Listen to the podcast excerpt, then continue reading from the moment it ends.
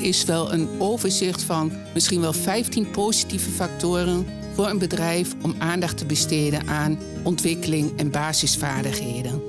Je luistert naar de Werkbank, de podcast over de kansen en uitdagingen voor de Overijsselse arbeidsmarkt. Dit is een podcast van de provincie Overijssel en mijn naam is Zegert van der Linden. Inloggen in Teams voor een online meeting of even op Google Maps checken hoe laat je weg moet om op tijd bij een klant te zijn. Voor de meeste mensen is dit waarschijnlijk dagelijkse kost, maar er zijn ook veel mensen voor wie dit soort handelingen een uitdaging zijn. Deze week staat de werkbank in het teken van deze basisvaardigheden. Hoe kun je als bedrijf je medewerkers helpen om deze vaardigheden verder te ontwikkelen? Daarover praat ik vandaag door met Jolanda Schonewille, adviseur leven lang ontwikkelen van het Leerwerkloket Twente. Welkom uh, Jolanda. Dankjewel. We hebben het deze week over basisvaardigheden. Dat is een vrij breed begrip, heb ik het idee. Kun je mij vertellen, wat zijn, wat, wat zijn dat, die basisvaardigheden? Nou, dan hebben we het over vaardigheden op het gebied van taal, rekenen en digitale vaardigheden. Uh, in het verleden werd vaak gesproken over laaggeletterdheid. Ja. Waar ook dat soort begrippen in meegenomen werden. Maar dat is toch een, uh, ja, een iets te groot stigma voor mensen.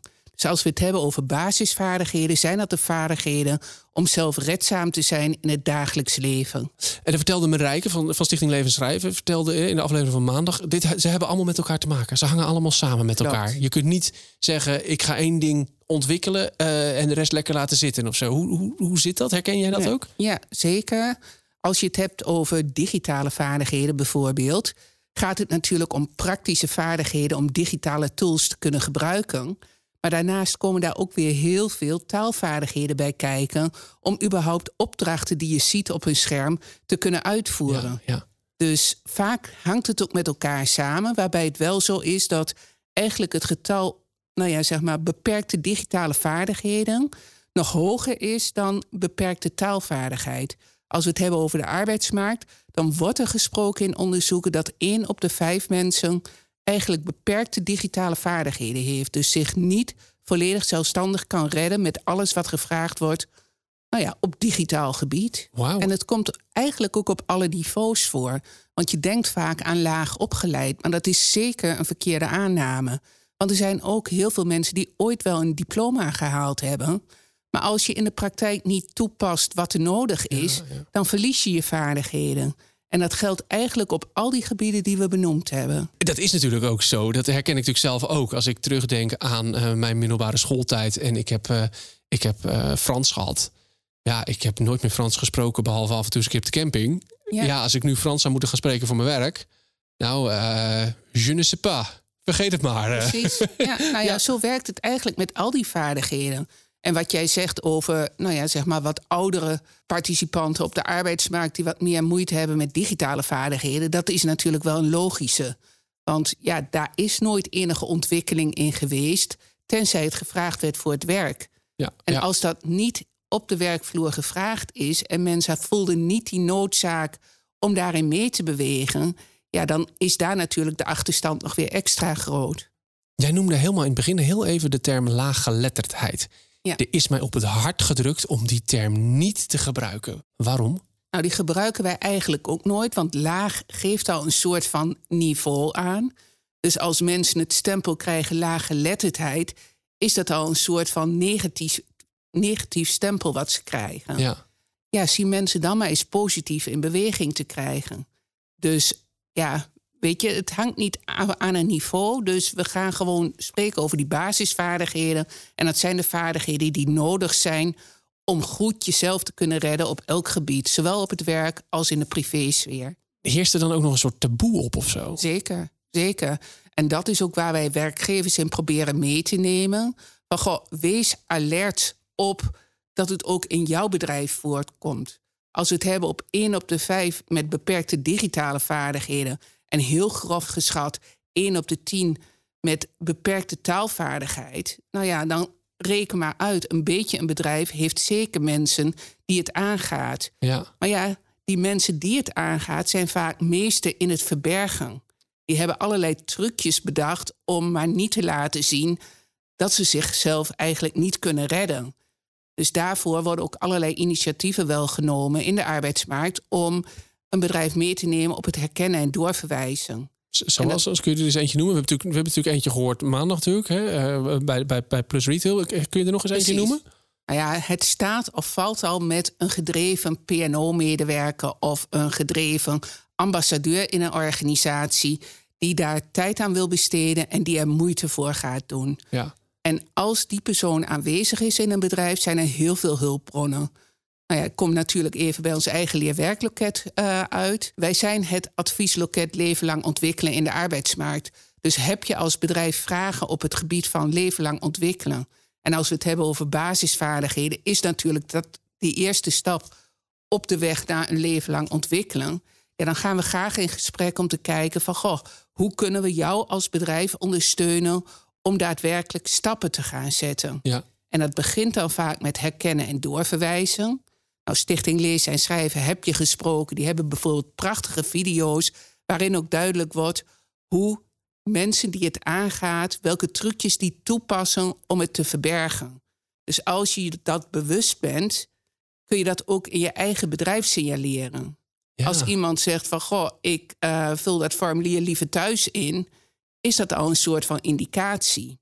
Of als iemand zegt van goh, nee, dat eh, regel ik altijd met mijn partner, wil dat alweer Dat nou zegt ja, al iets. Dat zegt al iets over wat Precies. mensen kunnen of waar ze zich zeker bij voelen. ja, Want ik kan me ook voorstellen dat, eh, dat, dat je gaandeweg zo'n traject kan ontdekken van hé, hey, ik kan al veel meer dan ik denk. Ja. Als medewerker. Als je denkt, ik, ik word gestimuleerd om, om dat te ontwikkelen. En hé, hey, vrek, dit kan ik. ja, Dus zo'n traject ingaan is niet alleen goed voor het ontwikkelen van die vaardigheden, praktisch, maar het kan ook wel iets doen met zelfvertrouwen van mensen, denk ik. ja. Alleen je ziet wel dat veel mensen toch een soort van stimulans nodig hebben om het bij zichzelf te gaan ontdekken Ja. en om vervolgstappen te zetten. En dat is zo mooi aan het voorbeeld van Plus.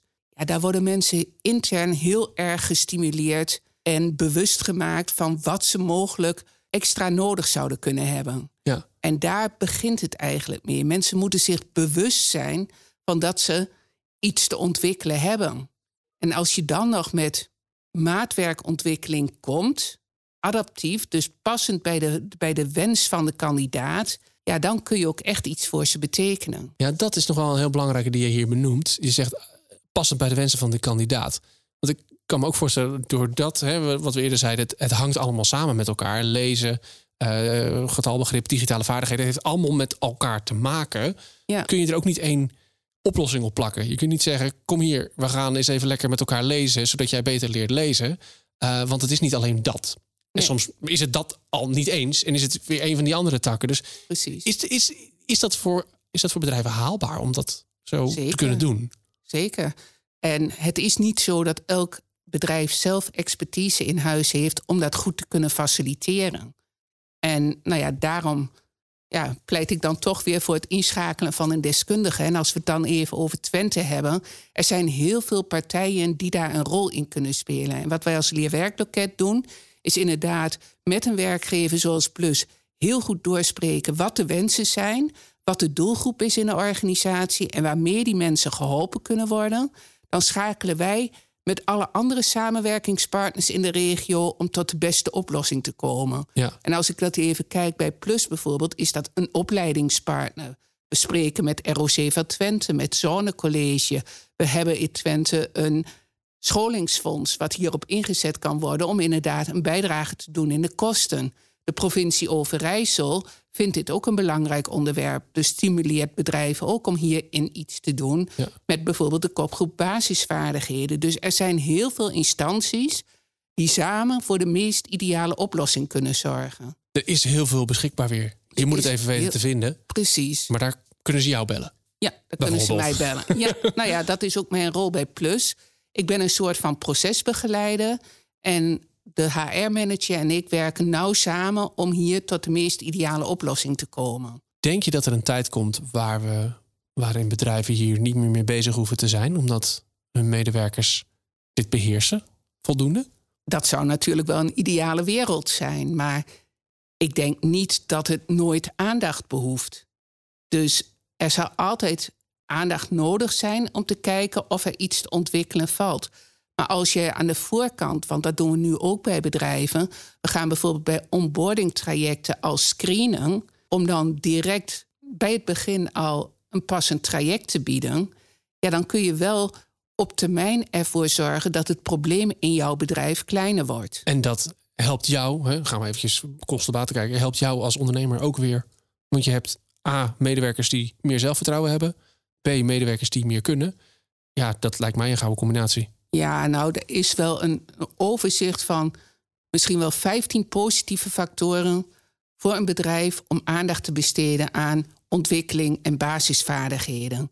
En er zijn onderzoeken van bijvoorbeeld Capgemini die vrij beschikbaar zijn op internet, waarin een kosten-batenanalyse gemaakt is van een traject van ontwikkeling van basisvaardigheden bij bijvoorbeeld een grote schoonmaakorganisatie. Mhm. Hoeveel uren effectieve werktijd dat op jaarbasis wel niet oplevert, doordat mensen beter kunnen communiceren, doordat er minder fouten gemaakt worden, doordat um, nou ja, er een lage ziekteverzuim is. Dus er zijn heel veel positieve effecten te benoemen. Wat zeker een investering in tijd in basisvaardigheden meer dan goed maakt. Je zou eigenlijk wel gek zijn als je dit als bedrijf, als werkgever niet gaat doen. Precies. Je luisterde naar De Werkbank, een podcast van de provincie Overijssel. Mijn naam is Segert van der Linden en je hoorde mijn gesprek met Jolanda Schonewille, adviseur leven lang ontwikkelen van het Leerwerkloket Twente. Wil jij met je bedrijf ook aan de slag met de basisvaardigheden van je medewerkers? Kijk dan op de site van Stichting Lezen en Schrijven www.lezenenschrijven.nl. Dit was de laatste aflevering van dit seizoen van de Werkbank. Bedankt voor het luisteren en wellicht tot de volgende keer.